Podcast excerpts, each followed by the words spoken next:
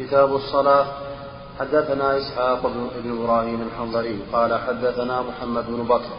حاول وحدثنا محمد بن رافع قال حدثنا عبد الرزاق قال أخبرنا ابن جريج. حاول وحدثني هارون بن عبد الله واللفظ له. قال حدثنا حجاج بن محمد. قال قال ابن جريج أخبرني نافع مولى ابن عمر. عن عبد الله بن عمر رضي الله عنهما أنه قال كان المسلمون حين قدموا المدينة يجتمعون فيتحينون الصلوات فيتحينون الصلوات وليس ينادى بها وليس ينادي بها أحد. فتكلموا يوما في ذلك فقال بعضهم اتخذوا ناقوسا مثل ناقوس النصارى. وقال بعضهم قرنا مثل مثل قرن اليهود. فقال عمر أولا تبعثون رجلا ينادي بالصلاة؟ قال رسول الله صلى الله عليه وسلم. يا بلال قم فنادي بالصلاة. حدثنا خالد بن هشام قال حدثنا حماد بن زيد. بينه وبين حديث أن عبد الله بن زيد بن عبد ربه أري الأذان وأن عمر أري في النوب وأن النبي قال قم فنادي في الصلاة.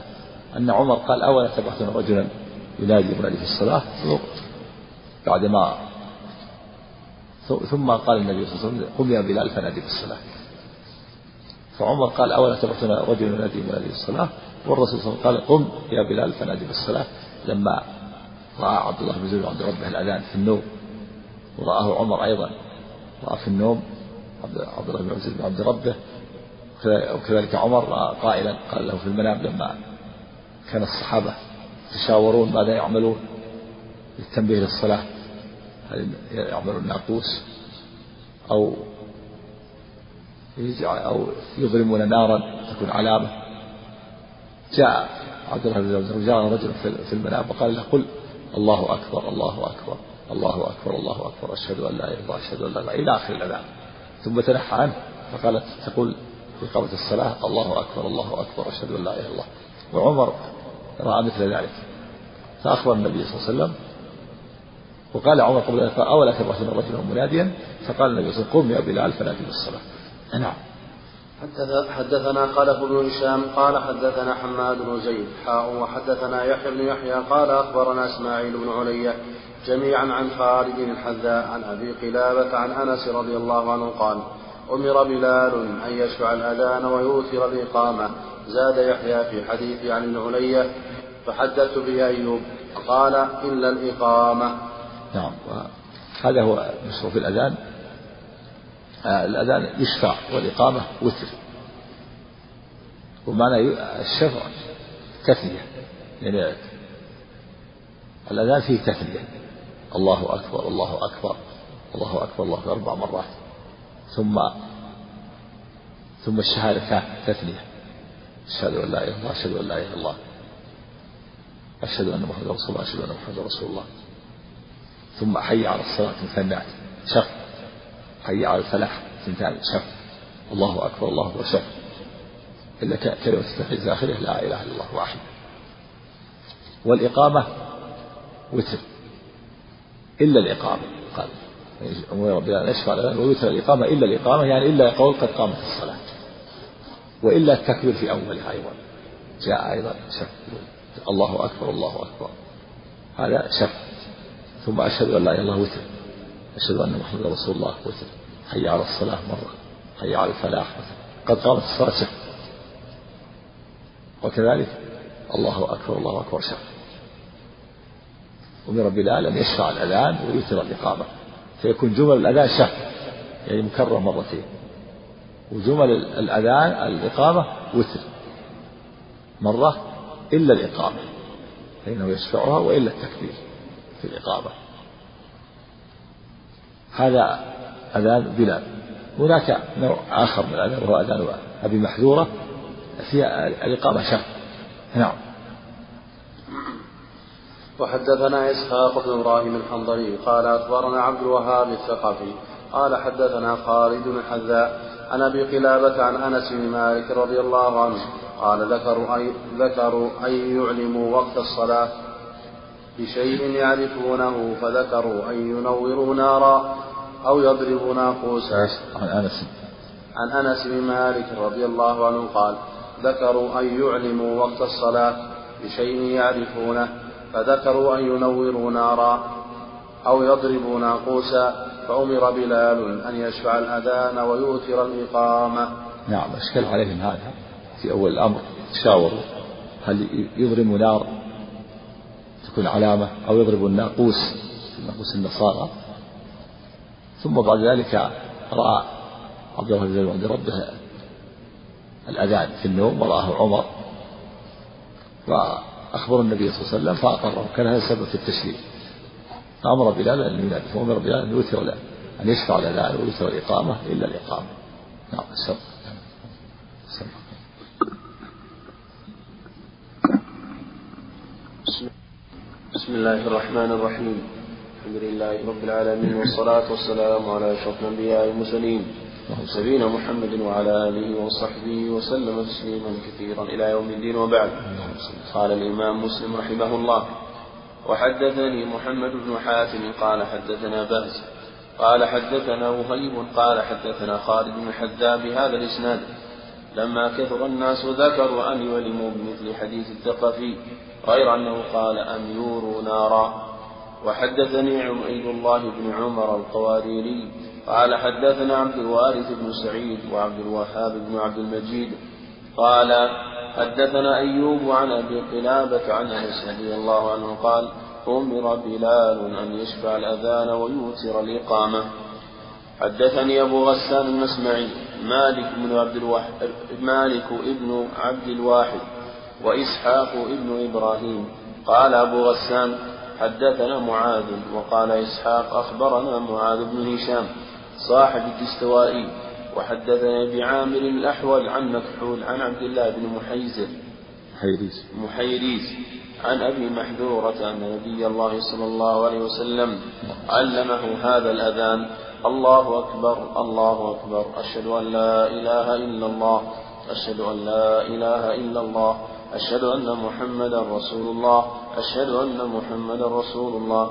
ثم يعود فيقول أشهد أن لا إله إلا الله أشهد أن لا إله إلا الله أشهد أن محمدا رسول الله أشهد أن محمدا رسول الله.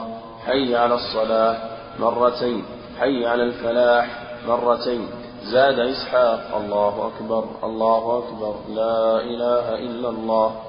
نعم، وهذا نوع آخر من الأذان. نوع آخر من الأذان يسمى أذان بمحذورة علمه النبي صلى الله عليه وسلم أن يؤذن به في مكة لما فتحت مكة. لما فتحت مكة علم أبو محذورة. جاء في سبب اختياره في السنن أن النبي صلى الله عليه وسلم سمع شبابا يؤذنون قبل قبل إسلامهم سمع الصوت يسخرون قبل قبل إسلامهم. فكان أبو محذورة أحسنهم صوتا فسأل عنه. قال فجاء به ثم أسلم وعلمه الأذان علمه أن أن يؤذن هذا الأذان في مكة. ترجيع. والترجيع معناه هو الرجوع إلى الشهادتين. هو أن يأتي بالشهادتين سرا يقول في نفسه يكبر. الله أكبر الله أكبر الله أكبر. أربع مرات رفع صوت. ثم إذا أتى للشهادتين قال أشهد أن لا إله إلا الله أشهد أن لا إله إلا الله أشهد أن محمدا رسول الله أشهد أن محمدا رسول الله. ثم يترى بها يقول أشهد أن لا إله إلا الله أشهد أن لا إله إلا الله أشهد أن محمدا رسول الله أشهد أن محمدا رسول الله. ثم ترجيع لأنه يرجع إليها مرة ثانية. ترجيع. وذلك أنه يأتي بالشهادتين أربع مرات سرا ثم يأتي بها بهما جهر تكون جمل الأذان عند أبي محذورة 19 وأذان بلال 15 جملة. 15 جملة أذان بلال. 19 جملة أذان أبي محذورة. لأن في زيادة ترجيع الشهادتين. أربع. أشهد أن لا إله إلا الله. أشهد أن لا إله إلا الله. أشهد أن محمدا رسول الله. أشهد أن محمدا رسول الله. أربع سرا ثم يجهر بها. يرجع إليها مرة أخرى. وفي هذا أن في هذا الحديث صحيح مسلم أنه لم يذكر التكبير في أول في أذان ابن محذورة إلا مرتين. الله أكبر الله أكبر. لكن ذكر النووي رحمه الله أن القاضي عياض أن في رواية الفارسي أنه ذكر التكبير أربعا. وجاء في غير صحيح مسلم في رواية أحمد وأصحاب السنن أن التكبير أربعة في أوله. كذلك ذكر الحافظ في البلوغ. قال رواه أحمد وأهل السنن وذكر التكبير في أوله أربعا. فالتكبير أربع ثابت ثابت في غير غير صحيح مسلم أربع. أما هنا ذكر التكبير مرتين. وذكر النووي أنه وقع في بعض الروايات أربعة تكون جمل الأذان أذان المحذورة 19 وجمل الأذان بلال 15 هذا نوع وهذا نوع. الأذان جاء على أنواع والإقامة جاءت على أنواع والاستفتاح جاء على أنواع. فإذا فعل المسلم أي نوع فله ذلك. لكن الأفضل أذان بلال. أذان بلال أفضل لأنه هو الذي يؤذن به بين يدي النبي صلى الله عليه وسلم. قد لزمه حتى وفاة النبي صلى الله عليه وسلم. وإذا أذن أذان بالمحذور فهذا فلا بأس. هذا أذان وهذا أذان. علمه النبي صلى الله عليه وسلم محذور يؤذن به في مكة بعد فتحها نعم. سبب اختيار هذا الصيغة. ها؟ سبب اختيار. اختيار إيش؟ الصيغة هذه. نوع نوع من الأذان تشريف تشريف توسع لهم أنه سمع أناسا شبابا. إيه لأنه حسن الصوت صار أحسنهم صوتا. أحسنهم صوتا. كان أبو محذور قال سأل عنه. فقال من هذا؟ قالوا أبو محذور فاختاره بعد ذلك لأنه كان أحسنهم صوتا نعم. هذا له وجه في اللغة. له وجه. وإن كان يعني أن محمدا رسول الله لأن رسول خبر. معناه أنه ما جاء الخبر. لكن التمس له عذر لأن على ما جاء عن بعض النحاة. عن بعض العرب أنه يفتح الجزئين على فتح الجزئين أن محمدا رسول الله. يلتمس له مخرج لأن بعض بعض العرب في وجه أن الخبر أن خبر إن يكون مرفوع. اسمها وخبرها مرفوع. أشهد أن محمدا رسول الله على فتح على نصب الاسم والخبر. على هذا يلتمس المخرج وإلا على المشهور أنه رسول الله معنى ما جاء الخبر. أشهد أن محمد رسول الله ما جاء الخبر ولا يتم المعنى ولا يصح الأذان على هذا. لكن يلتمس المخرج على من يجيز من العرب فتح آه، نصب اسم إن وخبره كلاهما منصوبان نعم. لا وقف. الصلاة. نعم. نعم. حدثنا ابن نمير قال حدثنا أبي قال حدثنا عبيد الله عن نافع عن ابن عمر رضي الله عنهما قال كان لرسول الله صلى الله عليه وسلم مؤذنان بلال وابن أم مكتوم وابن, وابن أم مكتوم الأعمى. وحدثنا ابن أمير قال حدثنا أبي قال حدثنا عبيد الله قال حدثنا القاسم عن عائشة رضي الله عنها مثله. حدثني أبو كريب محمد بن العلاء الهمداني قال حدثنا خالد يعني بن مخلد عن محمد بن جعفر قال حدثنا هشام عن عن عائشة رضي الله عنها قالت كان ابن أم مكتوم يؤذن لرسول الله صلى الله عليه وسلم وهو أعمى. في لا, لا في دليل على لا بأس بأذان الأعمى. وأنه لا لا حرج في اتخاذ مؤذن في مسجد واحد. ولا بأس بأذان الأعمى. لكن ينبغي إذا كان المؤذن أعمى أن يكون معه آخر بصير فكان النبي صلى الله عليه وسلم بلال وابن أم مكتوم. كان هذا في رمضان. وكان بلال يؤذن قبل الفجر. وابن أم مكتوم يؤذن على الصبح. ولهذا قال النبي صلى الله عليه وسلم إن بلالا يؤذن بليل في رمضان. فكلوا واشربوا حتى تسمعوا أذان ابن أم مكتوم. وفي لفظ أنه كان رجلا أعمى لا يؤذن حتى يقال له أصبحت أصبحت دل عنه لا بأس بجواز أذان الأعمى يخبره غيره. طبعا الصبح. وإذا كان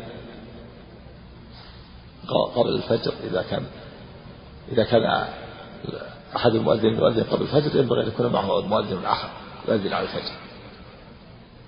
أو هو يعيد الأذان يؤذن على الفجر حتى لا يضر الناس. لأن الفجر يجوز الأذان قبل الفجر لتنبيه الناس.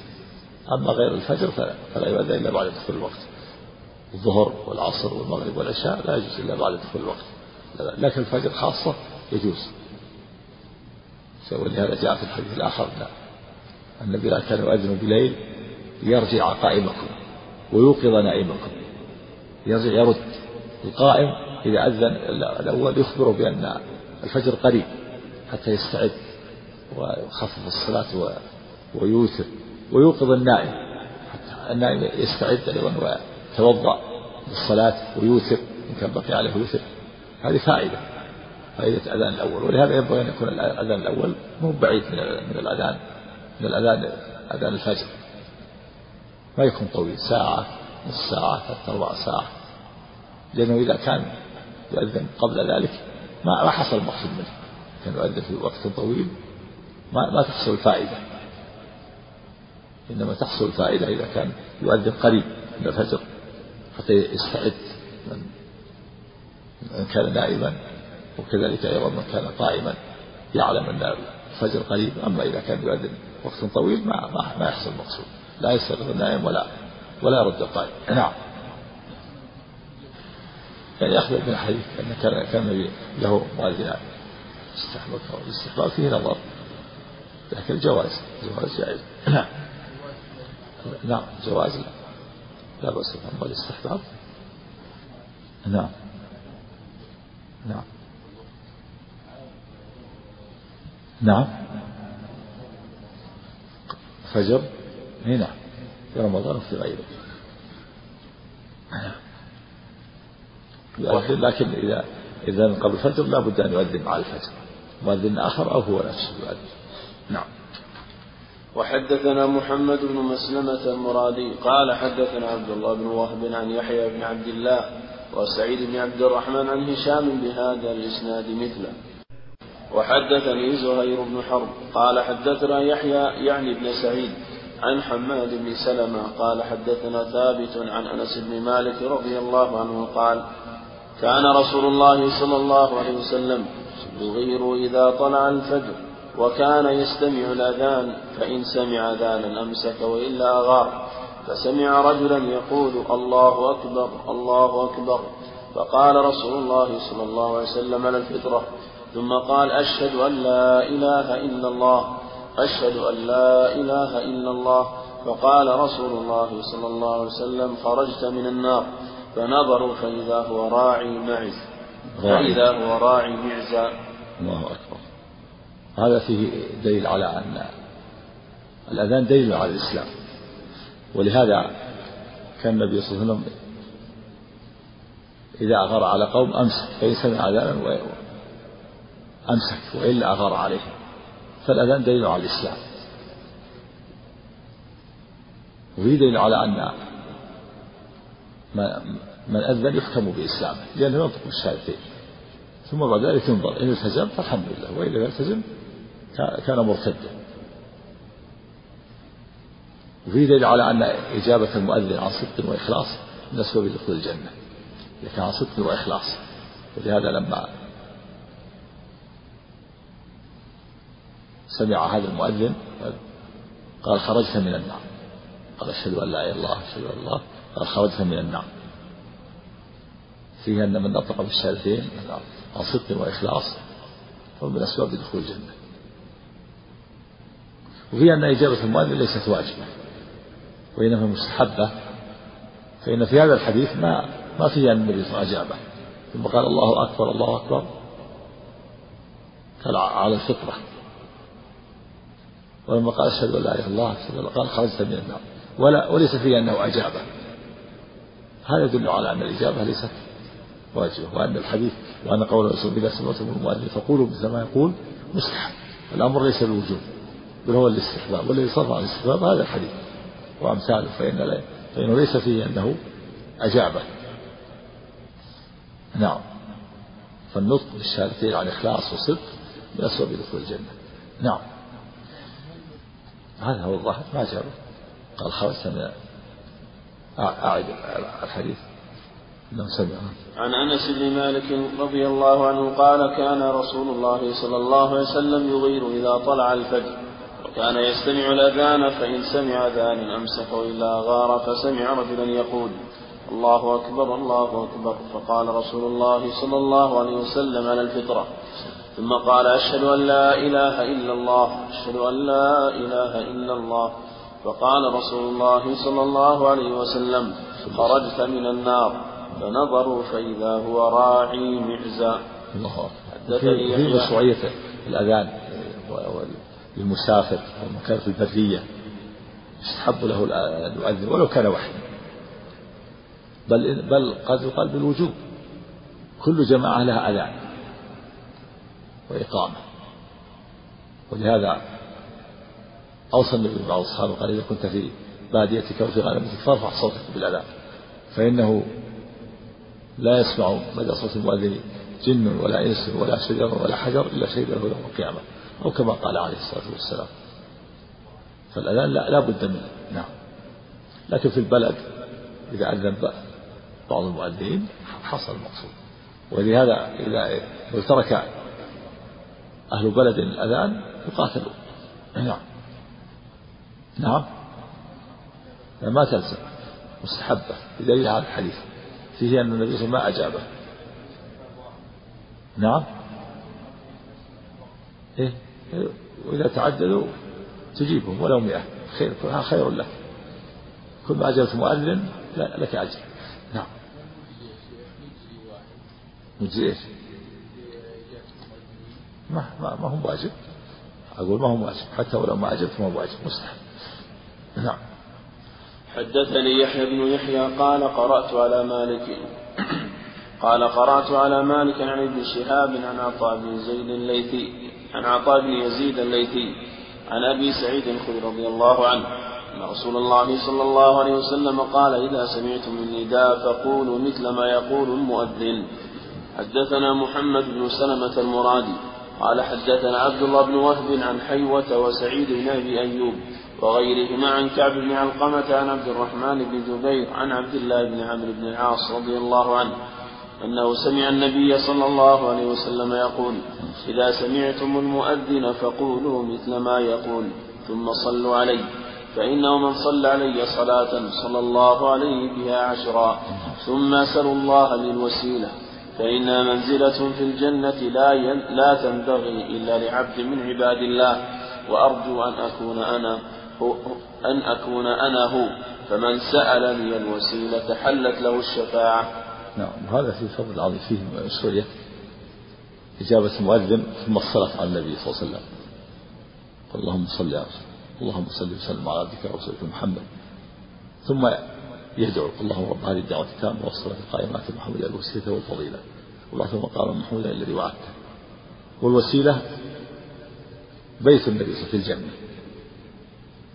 سقف عرش الرحمن. أعلى شيء. أعلى شيء. في الفردوس الوسيلة. قال وسيلة منزلة. لا تنبغي تكون إلا لعبد. وأرجو أن يكون هو. وهو هو عليه الصلاة والسلام. وسيلة بيت النبي صلى الله عليه وسلم. منزلة في الجنة. في أعلى أعلى الفردوس. نعم عليه الصلاة والسلام. فمن سأل الله للنبي الوسيلة حدث له الشفاعة يدل على أن إجابة المؤذن والصلاة على النبي وسؤال الوسيلة تنال بها الشفاعة مع التوحيد والإخلاص. لابد من التوحيد والإخلاص. وإجابة المؤذن يدل على التوحيد والإخلاص. إذا إذا لم يقع في عمله الشرك ولم ينقض بالشرك حلت له الشفاعة. كما في حديث أبي هريرة رضي الله عنه. قال يا رسول ما من أسعد الناس بشفاعتك يا رسول الله؟ قال من قال لا إله إلا الله خالصا من قلبه. ومن أجاب المؤذن حلت له الشفاعة. إذا كان موحد أما إذا كان يشرك معناه نقض نقض توحيده بالشرك لكن يدعو غير الله أو يذبح لغير الله أو ينظر لغير الله أو يطوف بغير بيت الله تقرب إليها هذا الشرك ينقض توحيده. فليس له شفاعة. قال تعالى فما تنفعهم شفاعة الشافعين إذا مات على الشرك نعوذ بالله. إذا مات على الشرك الأكبر ليس له شفاعة. النصوص ضم بعضها إلى بعض. النصوص ضم بعضها إلى بعض. الحديث فيه أن من أجاب المؤذن حلت له الشفاعة والنصوص الأخرى دلت على أن المشرك لا شفاعة له. بينها أن أن من أجاب المؤذن وكان موحدا ومات على التوحيد ولم يقف في أمر الشرك حلت له الشفاعة. فإن أجاب المؤذن وهو يشرك وأصر على الشرك ومات على الشرك فليس له شفاعة. نعوذ بالله. قال تعالى فما تنفعه شفاعة الشافعي. نعم. فإن إيش؟ ما ما أذكر الحديث.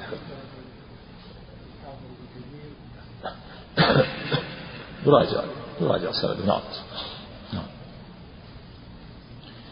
حدثني إسحاق بن منصور قال أخبرنا أبو جعفر محمد بن جهضم الثقفي قال حدثنا إسماعيل بن جعفر عن عمارة بن غزية بن عن خبيب عن عن خبيب بن عبد الرحمن بن اساف عن حفص بن عاصم عن عمر بن الخطاب عن أبي عن جد عمر الخطاب رضي الله عنه قال قال رسول الله صلى الله عليه وسلم إذا قال المؤذن الله أكبر الله أكبر. فقال أحدكم الله أكبر الله أكبر. ثم قال أشهد أن لا إله إلا الله. قال أشهد أن لا إله إلا الله. ثم قال أشهد أن محمد رسول الله. قال أشهد أن محمد رسول الله. ثم قال حي على الصلاة. قال لا حول ولا قوة إلا بالله. ثم قال حي على الفلاح. قال لا حول ولا قوة إلا بالله. ثم قال الله أكبر الله أكبر. قال الله أكبر الله أكبر. ثم قال لا إله إلا الله. قال لا إله إلا الله. من قلبه دخل الجنة. نعم. وهذا فيه دليل على أن نطق الشهادتين عن إخلاص الصدق من صوب دخول الجنة. وأن إجابة المؤذن بصدق عن صدق وإخلاص من أسباب دخول الجنة. لقوله من قلبه. قال له من قلبه. لابد من الصدق والإخلاص. فإذا أجاب المؤذن عن صدق وإخلاص كان من أسباب دخول الجنة. لقوله من قلبه. نعم.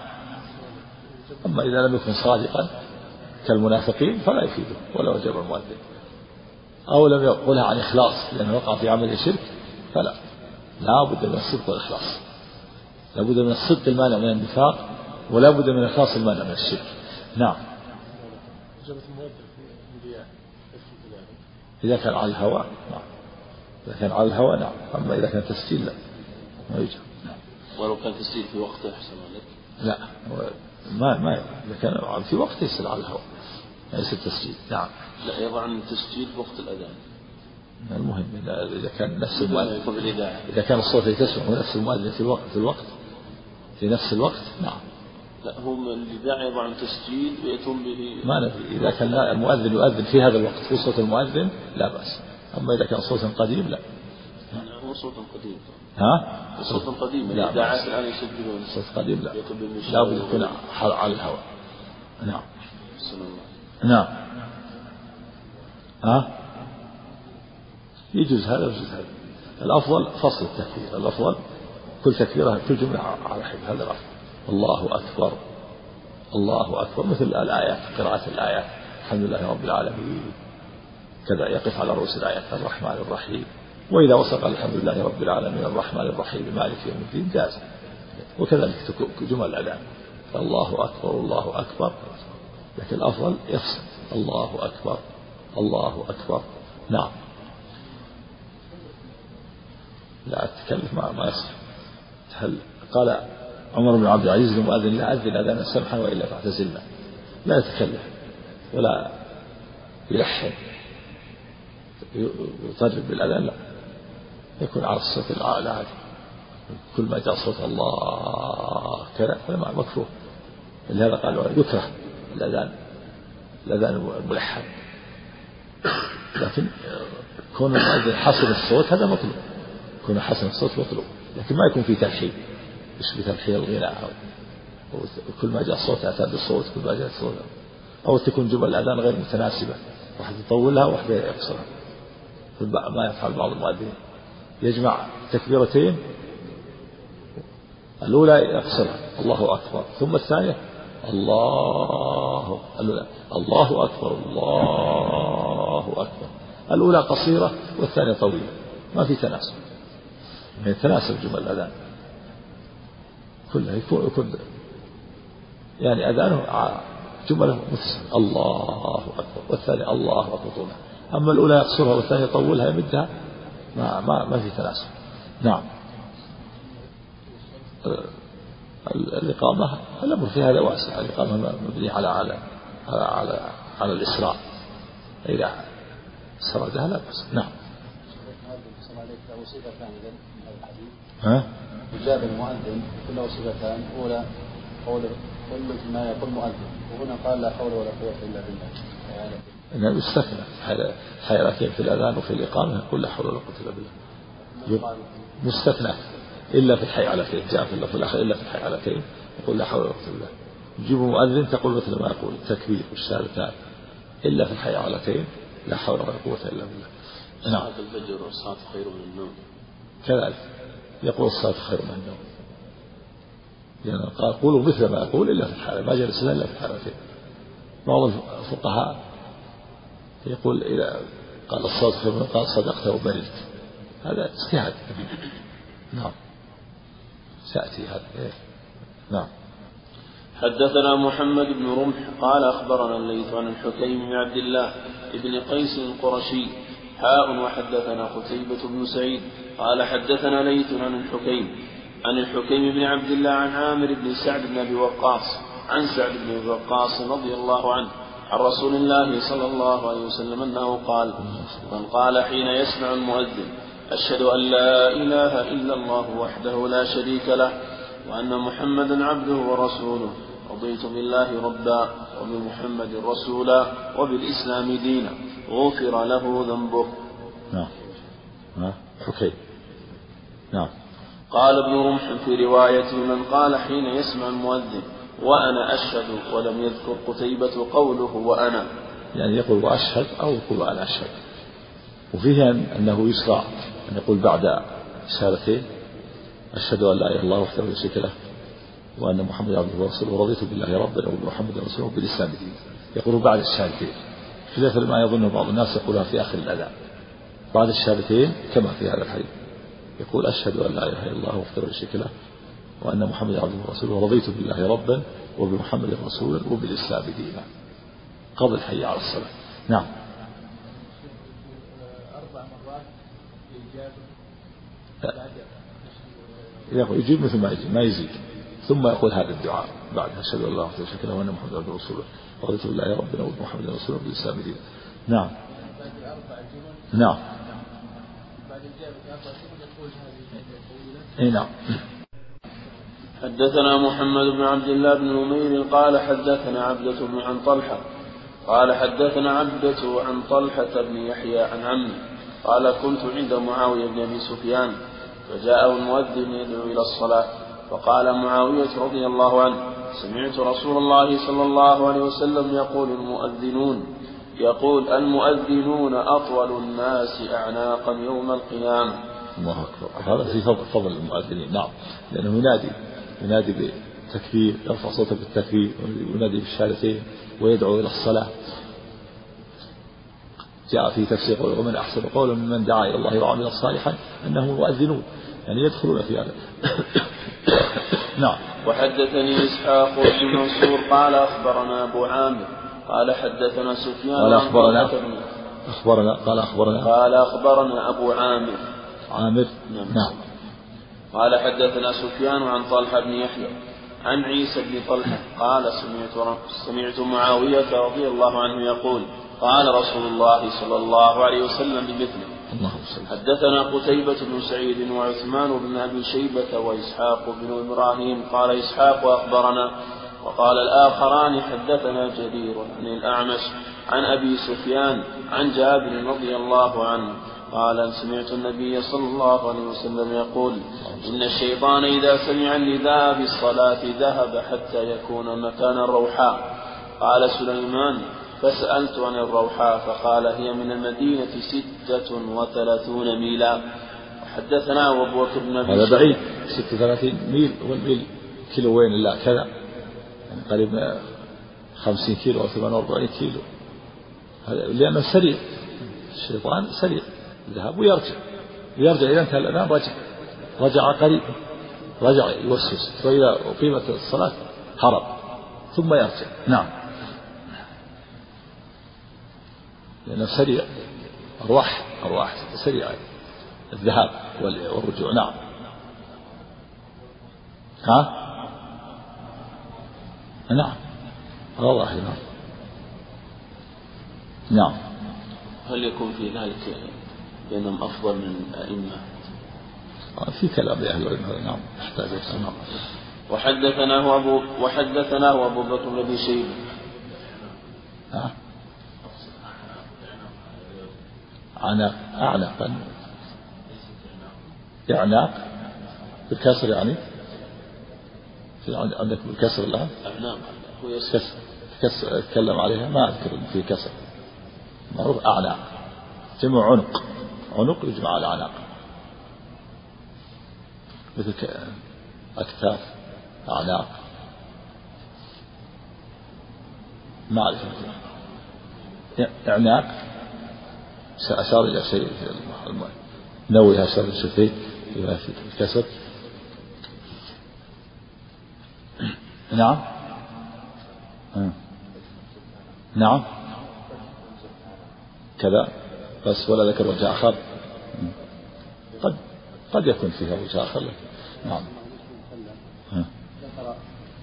في طويل حكيم أنا أعطى الناس شوقا من رحمة الله يوم تشوف يطيل عنقه لمن سوق إليه قال النظر بن سمي إذا ألجم الناس العرب طالت أعناقهم لئلا يغشاهم ذلك الكرب كرب قيل معناه أنهم رؤساء والعرب تسمي السادة بطول الأعناق قال الشاعر طوال أنصبة الأعناق لا, لا.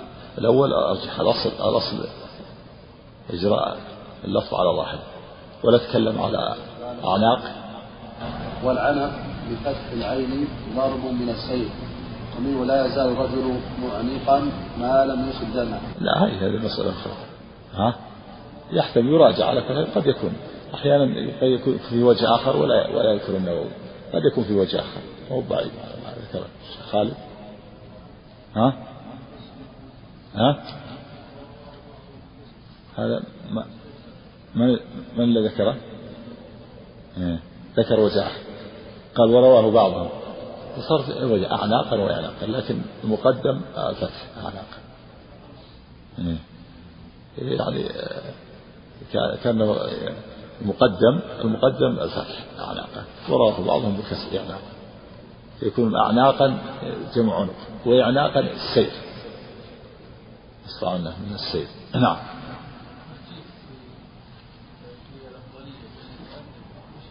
الله يحتاج إلى تأمل نعم يحتاج إلى تأمل. نعم. نعم. وحدثنا يحتاج إلى جمع النصوص في تأمل. يحتاج إلى جمع النصوص في هذا نعم. نعم. وحدثنا أبو بكر بن شيبة أبو كريب. قال حدثنا أبو معاوية عن الأعمش بهذا الإسناد. حدثنا قتيبة بن سعيد وزهير بن حرب وإسحاق بن إبراهيم واللفظ لقتيبة.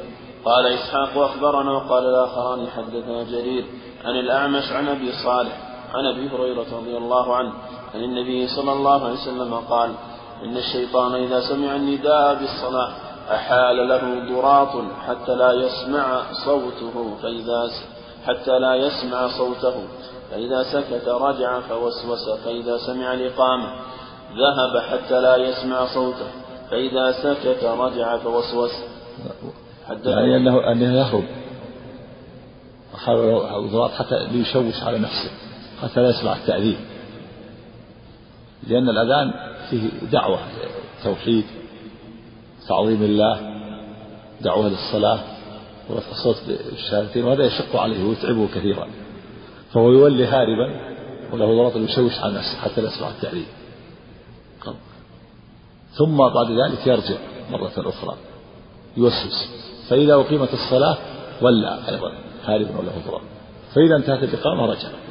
ويوسوس حتى يذكر الإنسان بالأشياء التي نسيها. نعم. هذا عدو الله. حريص على إغواء بني آدم وإفساد أعمالهم. نعم. حدثني عبد الحميد بن بيان الواسطي قال حدثنا خالد يعني ابن عبد الله عن سهيل عن أبيه عن أبي هريرة رضي الله عنه قال قال رسول الله صلى الله عليه وسلم إذا أذن المؤذن أدبر الشيطان وله حصاص. حدثني اميه حصاص قيل العدو وقيل الحدث. نعم. حدثني يميت بن بسطام قال حدثنا يزيد يعني ابن زريع. قال حدثنا روح عن سهيل. قال أرسلني أبي إلى بني حارثة. قال ومعي غلام لنا. أو صاحب لنا. فناداه مناد من حائط باسمه. قال وأشرف الذي معي على الحائط فلم ير شيئا. فذكرت ذلك لأبي. فقال لو شعرت أنك تلقى هذا لم أرسلك ولكن إذا سمعت ولكن إذا سمعت صوتا فنادي بالصلاة. فإني سمعت أبا هريرة رضي الله عنه يحدث عن رسول الله صلى الله عليه وسلم أنه قال إن الشيطان إذا نودي بالصلاة ولا وله حصاص. نعم وهذا فيه أن أن أرسل هذا الابن أرسله وسمع صوتا من من الحائط يناديه يا فلان. فذهب فلم يجد شيئا الشيطان ناداه. فلما أخبر أباه قال لو علمت؟ لما أرسلت تخاف عليه أن يستوحش لأنه صغير صغير السن. ثم أرسل إلى قال إذا سمعت شيئا فنادي بالصلاة لأن الشيطان يفر من الأذان. وهذا مثل ما جاء في الحديث الآخر. إذا تغولت الغيلان فبادروا بالأذان. في الصحاري وفي البراري تظهر صور من الجن على صور مختلفة تتراءى للناس. فإذا سمع هذا وأذن زالت. نعم. قيل مثل ما جاء الضراط أو العدو. نعم. نعم. حدثنا قتيبة بن سعيد قال حدثنا المغيرة يعني الحزامي عن أبي الزناد عن الأعرج عن أبي هريرة رضي الله عنه أن النبي صلى الله عليه وسلم قال إذا نودي للصلاة أدبر الشيطان له ضراطا حتى لا يسمع التأذين فإذا قضي التأذين أقبل حتى إذا ثوب بالصلاة أدبر. حتى إذا قضي التثويب أقبل حتى يخطر بين المرء ونفسه. يقول له اذكر كذا واذكر كذا لما لم يكن يذكر لما لم لما لم يكن يذكر من قبل حتى يظل الرجل ما يدري كم صلى. نعم وهذا من حرص عدو الله على إفساد أعمال بني آدم. وفيه أنه إذا سمع الأذان ولى وله ضرب فإذا ثوب بالصلاة يعني أقيمت الصلاة تثويب هو الإقامة. سميت الإقامة تثويب لأنها رجوع إلى الدعوة إلى توحيد إلى إلى إقامة الصلاة ورجوع مرة أخرى إلى رفع الصوت بالشهادتين فالمؤذن يرفع صوته بالتكبير والشهادتين ثم يدعو إلى الصلاة حي على الصلاة. ثم إذا أقيمت الصلاة يعود مرة أخرى يقول حي على الصلاة حي على الفلاح. يعود إلى مرة أخرى صوته بالتكبير والشهادتين والدعوة إلى الصلاة. وسميت الإقامة تثويب لأنها رجوع رجوع مرة تثويب من ثاب إذا رجع لأنها رجوع مرة أخرى إلى الدعوة إلى الصلاة وإلى إعلان كلمة التوحيد والتكبير. فالمؤذن أعلن التوحيد وأعلن التكبير ودعا إلى الصلاة ثم رجع مرة أخرى لما أقام الصلاة فأعلن التوحيد وأعلن الشهادتين ودعا إلى الصلاة فسمي تثويب لأنه رجوع. نعم. لا لا لا تاب رجع. أنا شيخ معنى آخر. نعم. حدثنا محمد بن رافع قال حدثنا عبد الرزاق قال حدثنا معمر عن همام بن منبه ابن منبه عن أبي هريرة رضي الله عنه عن النبي صلى الله عليه وسلم بمثله. غير أنه قال حتى يظل الرجل إن يدري كيف كيف صلى. إن بمعنى ما يعني ما يدري كيف صلى. في قوله تعالى إن يتبعون إلا الظن يعني ما يتبعون إلا الظن. لا يدري إن صلى يعني ما أدري لا يدري ما صلى إن نافية بمعنى ما نعم حدثنا يحيى بن يحيى التميمي وسعيد بن منصور وابو بكر بن أبي شيبة وعمر الناقد وزهير بن حرب وابن نمير كلهم عن سفيان بن عيينة واللفظ ليحيى قال أخبرنا سفيان بن عيينة عن الزهري عن سالم عن أبيه قال رأيت رسول الله صلى الله عليه وسلم إذا افتتح الصلاة رفع يديه.